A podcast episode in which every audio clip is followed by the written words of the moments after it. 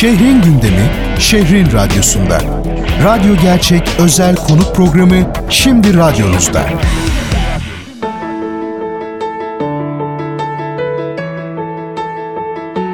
Haftanın konuğunda bu hafta Samsun Takev Lisesi kurucu ortağı doçent doktor Oktay Yapıcı konuğumuz. Oktay Bey şimdi bizlere okul başarısında sağlıklı beslenmenin öneminden bahsedecek. Herkese merhaba. Ben 19 Mayıs Üniversitesi Tıp Fakültesi Nükleer Tıp Anabilim Dalı'nda öğretim üyesiyim ve aynı zamanda Samsun Takev Lisesi kurucu ortağıyım. Eğitimle ilgili son 6 yıldır yoğun çalışmalarda bulunuyorum. Kendi mesleğime ek olarak.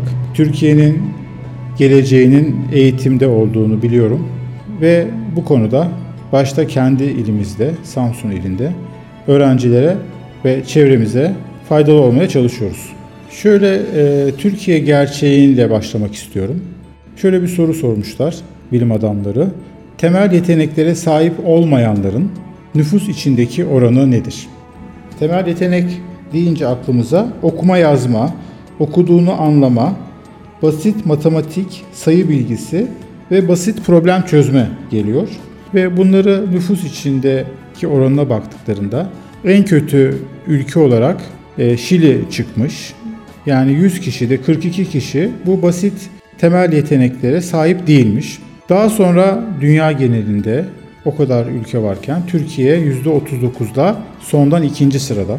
Bu bizi, beni, eminim herkese çok üzen bir sonuç. Ve e, diğer başka ülkeler, komşumuz Yunanistan mesela her 100 kişide 15 kişi temel yeteneklere sahip değilmiş. Daha sonra işte Almanya gelişmiş ülke bu %12, Güney Kore %11 ve eğitimde e, model olarak ifade edilen e, Finlandiya en iyi ikinci ülke yüzde yedi yani 100 kişiden 7 kişisi e, temel yeteneklere sahip değil ve bu Japonya'da yüzde dört. En iyi ülke Japonya. Teknolojinin beşiği. Şimdi buradan konuyu ben beslenmeye getirmek istiyorum. Yani eğitim sistemi farklı bir şey. Ee, o konuda da e, çok güzel çalışmalar var. Ben bunu e, tıpla ilgili e, bir kişi olarak beslenme üzerinde yoğunlaşmasını istiyorum.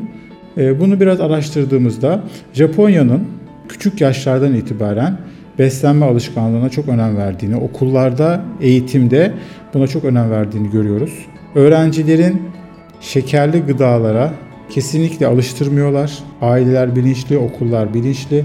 Şekerden uzak duruyorlar. Bol miktarda öğrencilere ceviz yedirtiyorlar ve Japonya her geçen yıl ülkeye ceviz ithalatını artırıyor. Bunun bir nedeni var. Bu bir e, sağlık politikası, bu bir eğitim politikası ve uzun vadede tabii ki bunun faydalarını görüyorlar. Daha az hasta bir toplum, daha bilinçli beslenen öğrenciler ve daha akıllı gençler karşımıza çıkıyor. Ee, burada ceviz e, benim oldukça ilgimi çekti. Çünkü ülkemizde var ve ceviz üreticileri hızlı artıyor. Bu güzel bir haber. Ama hala biz kendi ihtiyacımız olan cevizi e, üretemiyoruz. %15'ini e, şu anda karşılıyor ülkemiz. Ama çok girişimci insanlar var bu konuda onları da tebrik ediyorum. Omega 3 e, bizim için çok önemli bir yağ asidi e, ve besinlerde e, sınırlı sayıda var. Omega 3 omega 6 oranı çok önemli. Omega 6 birçok besinde var ve bunun fazla olması omega 3 emilimini azaltıyor. Dengeli beslenmemiz gerekiyor ve burada önümüze zeytinyağı, soğuk pres sıkılmış zeytinyağı çıkıyor. Omega 3 orada, omega 3 oranı oldukça yüksek ve ceviz. Bizim için ülkemizde olan bu iki gıdayı ben tüm çevreme ve insanlara öneriyorum. Kendi okulumuzda da yemekten bir saat önce ki teneffüste öğrencilere e, ücretsiz ceviz ver, vermeyi düşünüyorum. Bir ay bir deneme çalışması yapacağız. Çünkü o, o teneffüste öğrenciler kantine gidip şekerli e, gıdalardan tüketmeye çalışıyorlar ve yanlış yapıyorlar. E, bu sene yine e, onları çok sevin, sevinmeyeceğini düşündüğüm e, bir haberi size paylaşayım. şeker içeren gıdalardan mümkün olduğu kadar uzak duracağız. Dünya Sağlık Örgütü günlük 50 gram şekeri ihtiyacımız olduğunu ifade etti. Bu ne demek? 12 çay kaşığı şeker. Yani 2 ince dilim tam buğday ekmeği 10 çay kaşığı ediyor. Onun dışında şekere ihtiyacımız yok. Şekersiz çay içmek güzel bir şey. Bir şişe ice tea, buzlu çay çocukların sevdiği bir içecek. E, baktığımızda 5.5 çay kaşığı e, şeker var. Bir kutu çilekli muzlu süt, 7 çay kaşığı şeker var. Yani siz iki tane çilekli muzlu süt içtiğinizde sizin şeker ihtiyacınız tamamlanıyor. Bundan sonra aldığınız her şey, her yediğiniz dilim ekmek, bir pasta, bir sandviç, bir kek bizim ihtiyacımızın dışında. Ne oluyor? Bunlar bizde obeziteye neden oluyor. Şeker hastalığı ileriki yaşlarda şeker hastalığı, kalp hastalığı riskini artırıyor. Bir kutu kola, 10 çay kaşığı şeker var. Yani siz bir kutu kolayla bütün şeker ihtiyacınızı, 24 saatlik şeker ihtiyacınızı karşılıyorsunuz. Ki çocuklar maalesef bu içeceği de çok seviyorlar. Evet, ülke politikası olarak hem Sağlık Bakanlığı hem e, Milli Eğitim Bakanlığı bence sağlıkla ilgili derslere önem vermeli ve öğrencilerin tek korkusu not olduğu için bence sağlık dersi matematik dersinden daha önemli olması lazım. Çocukları not korkusuyla doğru bilgileri aktarmamız gerekiyor.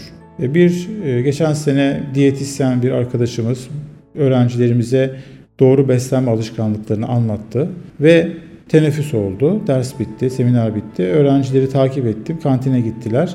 Kantindeki ev yapımı keklerden, işte e, çikolatalı kekten, işte muzlu sütten e, tükettiler. Yani demek ki bu bir seminerle, bir seferlik dersi olmuyor. Bunu bir hayat alışkanlığı haline getirmemiz gerekiyor. Küçük yaşta bu alışkanlıkları vermemiz gerekiyor diye düşünüyorum. Sosyal medyada e, bir arkadaşımın paylaştığı bir söz çok hoşuma gitti. Sizlerle paylaşmak istiyorum. İnsanlar sağlığa hiç önem vermeyen gıda endüstrisi tarafından doyuruluyor ve gıdaya hiç önem vermeyen sağlık endüstrisi tarafından tedavi ediliyorlar. Bu sözü Wendell Berry söylemiş. Gerçekten çok doğru. Eğer biz küçük yaşta doğru beslenirsek ileriki yaşlarda ciddi kalp hastalıkları, kanser, Alzheimer ve benzeri hastalıklardan uzak durmuş olacağız ve toplum daha sağlıklı yaşlanacaktır. Aksi takdirde böyle e, bu tip beslenme alışkanlıkları, şeker bazlı beslenme alışkanlıkları bizi ileride daha hasta toplum haline getirecektir ve ekonomimizde sağlığa, tedaviye daha fazla pay ayıracağız. Biz başta sorunu çözmek için sağlıklı beslenme konusuna çok önem vermeliyiz. Sporu hayatın bir biçimi haline getirmeliyiz. Sadece yarışan sporcular doğru değil. Herkesin sevdiği bir spor dalı vardır ve o dalda öğrencilerimizi ilerletmeliyiz, onlara fırsat vermeliyiz. Sözlerime birkaç e, cümleyle son vermek istiyorum. Walter Howard, zorluklar yaratıcılığı ortaya çıkarır, rahatlık ve tembellik ise onu kaybettirir demiş. Bu sözden ne anlıyorum ben? Öğrencilerimiz zorlanmalı, beyinlerini zorlamalı, onlara her bilgiyi hazır vermemeliyiz. Kendileri bilgiye ulaşmalılar. Soru çözerken kendileri oturup odalarında soruyu çözmek için akıllarını kullanmalılar. Bir hoca onlara soru çözümünü gösterip o soru çözümünü ona ezberletmesi bizim öğrencilerimizde ezbere dayalı eğitimi desteklemektedir ve yaratıcılıklarını kaybetmesine neden olmaktadır. O yüzden biz Takev Lisesi'nde, Samsun Takev Lisesi'nde akıl oyunları kulübüne çok önem veriyoruz.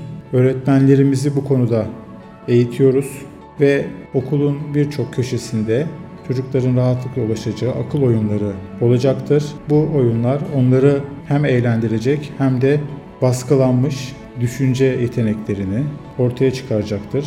Onları beyinleri zorlanacaktır ama ileride problemle karşılaştıklarında çok rahat bir şekilde bu engeli aşmasına yardımcı olacaktır. Tabii ki bu akıl oyunları bir üniversite sınavında sorulmayacak ama bizim öğrencilerimiz herhangi bir farklı soru tipinde zekalarını kullanarak çok daha başarılı olacaklarına inanıyorum.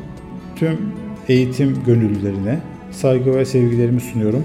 Bilgi paylaşıldıkça büyüyor. O yüzden ara sıra bilgilerimizi diğer meslektaşlarımızla paylaşmayı her zaman bir görev kabul ettik. Herkese iyi günler diliyorum. Şehrin bilgi temalı modern sesi. Radyo Gerçek.